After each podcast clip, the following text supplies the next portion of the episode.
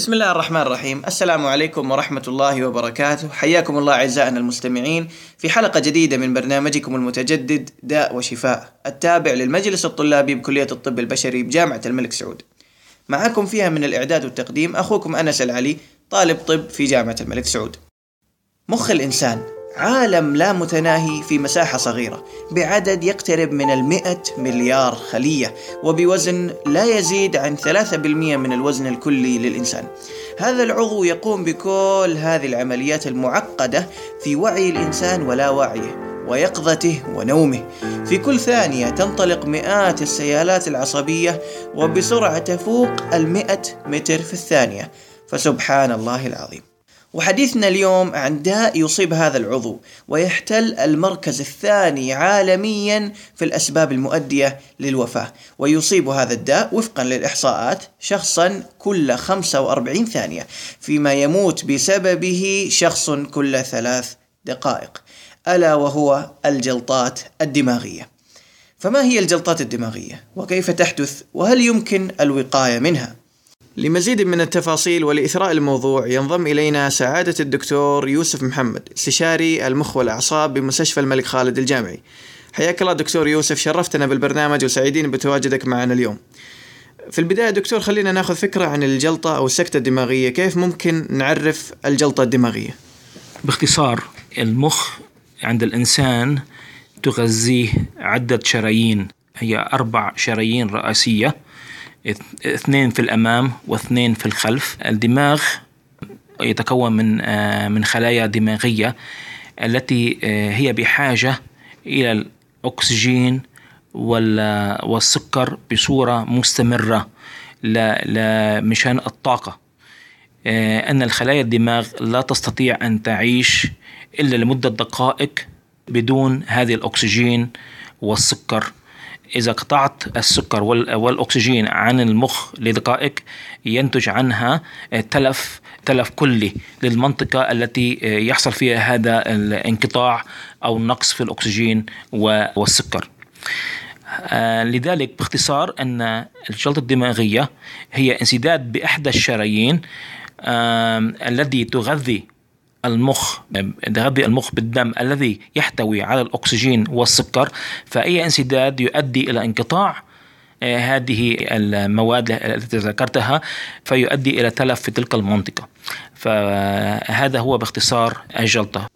آه، طيب يا دكتور قديش منتشرة الجلطات الدماغية عالميا ومحليا عندنا بالمملكة؟ وهل في أرقام تبين الفرق في تطور وانتشار المرض بين اليوم والعشرين سنة الماضية؟ أن الجلطة الدماغية منتشرة جدا في في العالم آه، من ضمنها طبعا السعودية. بالحقيقة آه، أن الجلطة الدماغية هي ثاني آه، مرض يؤدي بعد أمراض القلب يؤدي إلى الوفاة. يعني أمراض القلب هي الأولى في في التي تسبب الوفاة. السكتة الدماغية هي ثانية بعد القلب تؤدي إلى إلى الوفاة. يعني معناتها أن هي منتشرة جدا. آه، بالإضافة إلى ذلك إذا لم تؤدي إلى الوفاة هي تؤدي إلى عجز. عجز بالنطق عجز بالحركة عجز بالإحساس آه، عجز بالبلع وإلى ما ذلك.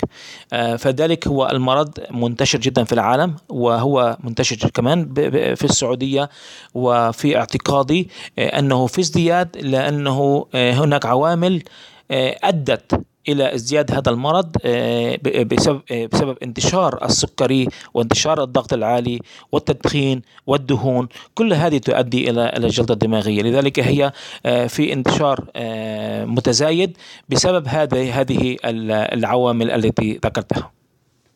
بالنسبة للأرقام مثلا معنا رقم دقيق في السعودية لكن في العالم حوالي 15 مليون نسمة آه، يحصل لها جلطة كل سنة.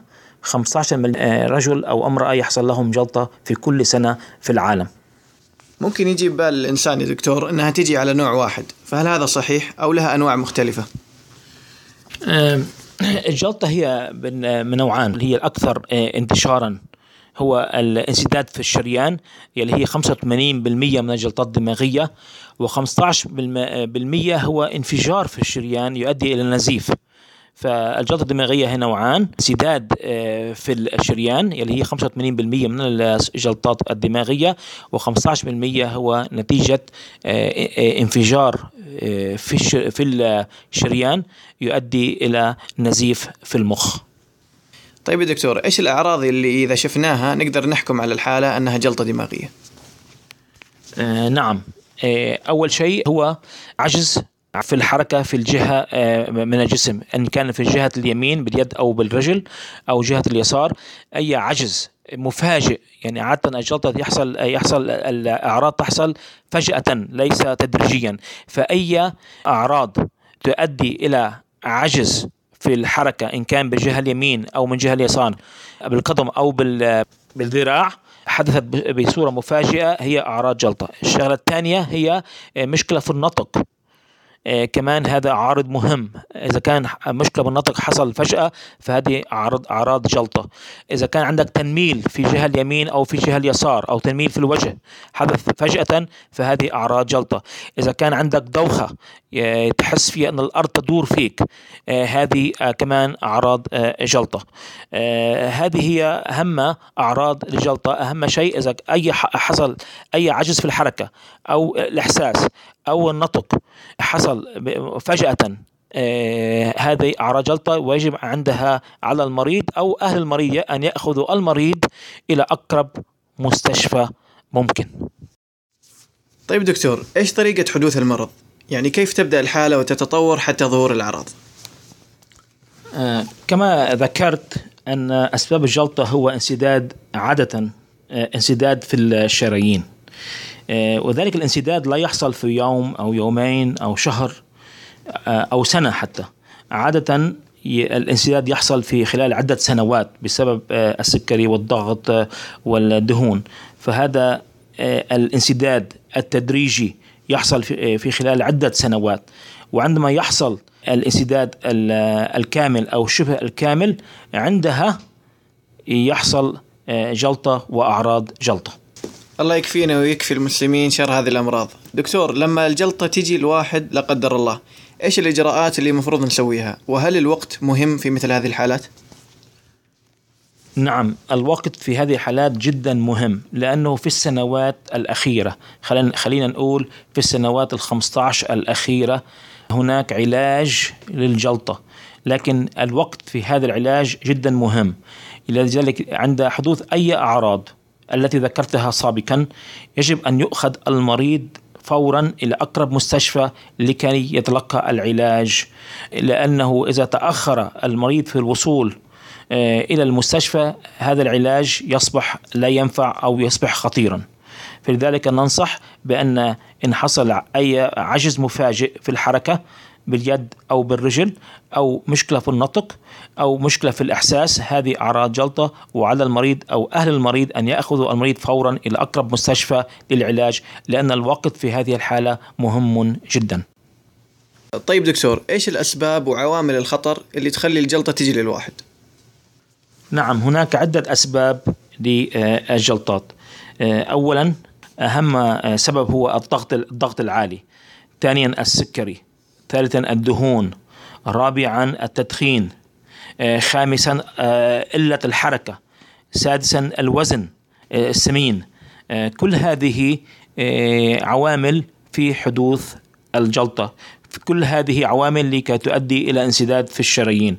لذلك المريض عنده ضغط يجب أن يكون الضغط مسيطر عليه السكري مسيطر عليه الدهون مسيطر عليها يجب على المريض عدم التدخين ويجب على المريض أن يمارس آه، الرياضة طيب دكتور هل الجانب النفسي له تأثير على حدوث الجلطة؟ آه، لا يوجد لا يوجد لا يوجد إثبات علمي على أن العامل النفسي يؤدي إلى الجلطة على كل حال آه، إذا كان للجانب النفسي عامل بحدوث الجلطة فهو عامل ضعيف. عامل ضعيف. هل في علاجات للجلطة بعد حدوثها؟ وإلى أي درجة نقدر نعالج المرض؟ نعم. نعم. آه، في السنوات الخمسة عشر الأخيرة وخاصة في السنوات الخمس الأخيرة أصبح لدينا علاج للجلطة. لكن كما ذكرت سابقا آه، الوقت في هذه الحالة مهم جدا. يجب على المريض أن أن يصل إلى المستشفى في خلال آه، أربع ساعات ونصف لكي يتلقى هذا العلاج. وفي في بعض الأوقات آه، يجب أن يصل آه، حتى في في خلال ست ساعات. فإذا المريض وصل في خلال ست ست ساعات هناك علاج للجلطة. هناك نوعان من العلاج للجلطة. نوع يؤخذ في في الوريد وهذا العلاج الذي اسمه بالإنجليزية تي بي اي يشتغل من خلال تذويب الخثرات في الشريان الذي تسبب الجلطة فيذوب هذه هذا التخثر يذوبه هذا الدواء وهذا الدواء ممكن أن نعطيه للمريض بس آه، فقط في خلال أربع ساعات ونصف من حدوث الأعراض. لا نستطيع أن نعطي المريض هذا العلاج بعد أربع ساعات ونصف لأنه يصبح خطيرا آه، وغير نافعا. العلاج الثاني يمكن أن نعطيه للمريض في خلال ست ساعات فقط من حدوث الأعراض.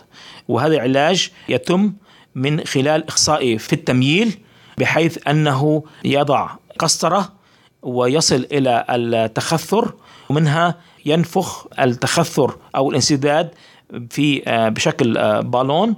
عندها الدم سوف يجري في الشرايين ويمنع حدوث بهذه الحالة التلف من الجلطة. زي ما يقولوا يا دكتور الوقاية خير من العلاج. فهل في طرق وقائية نقدر نتجنب بها المرض؟ نعم الحمد لله يوجد طرق لمنع حدوث الجلطة. كما ذكرت سابقا الجلطة هي سببها انسداد في الشرايين الذي يحصل في خلال عدة سنوات وأسبابه معروفة الضغط العالي السكري الدهون آه، التدخين عدم الحركة أو الرياضة. فإذا مارسنا الرياضة تنعنا عن التدخين. إذا سيطرنا على الضغط سيطرنا على السكري. إذا آه، أكلنا كان خفيف في الدهون فهذا يمنع حدوث الجلطة.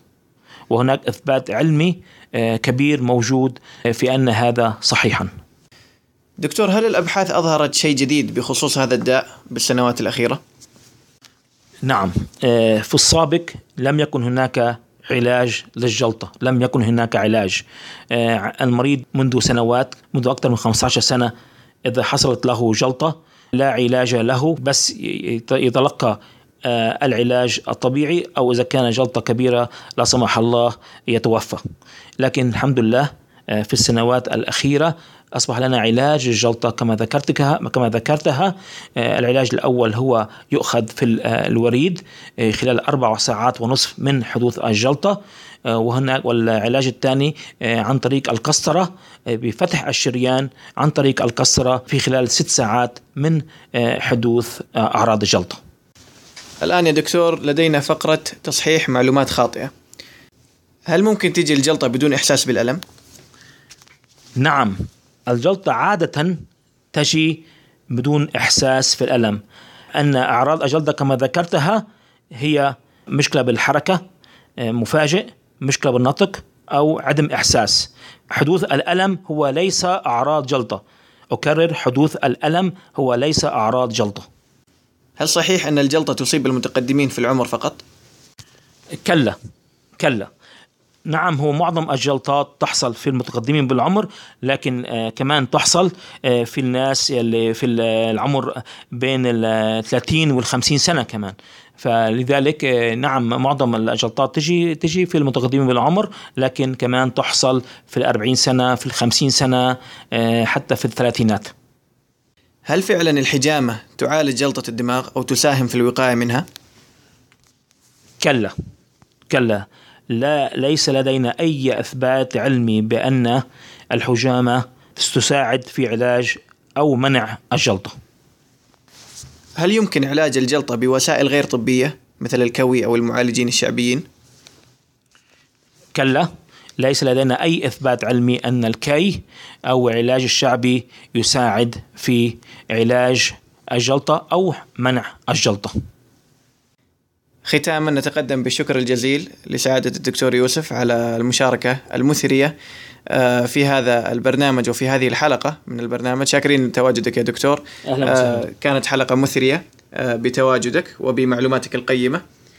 شكرا على دعوتي إلى هذا اللقاء.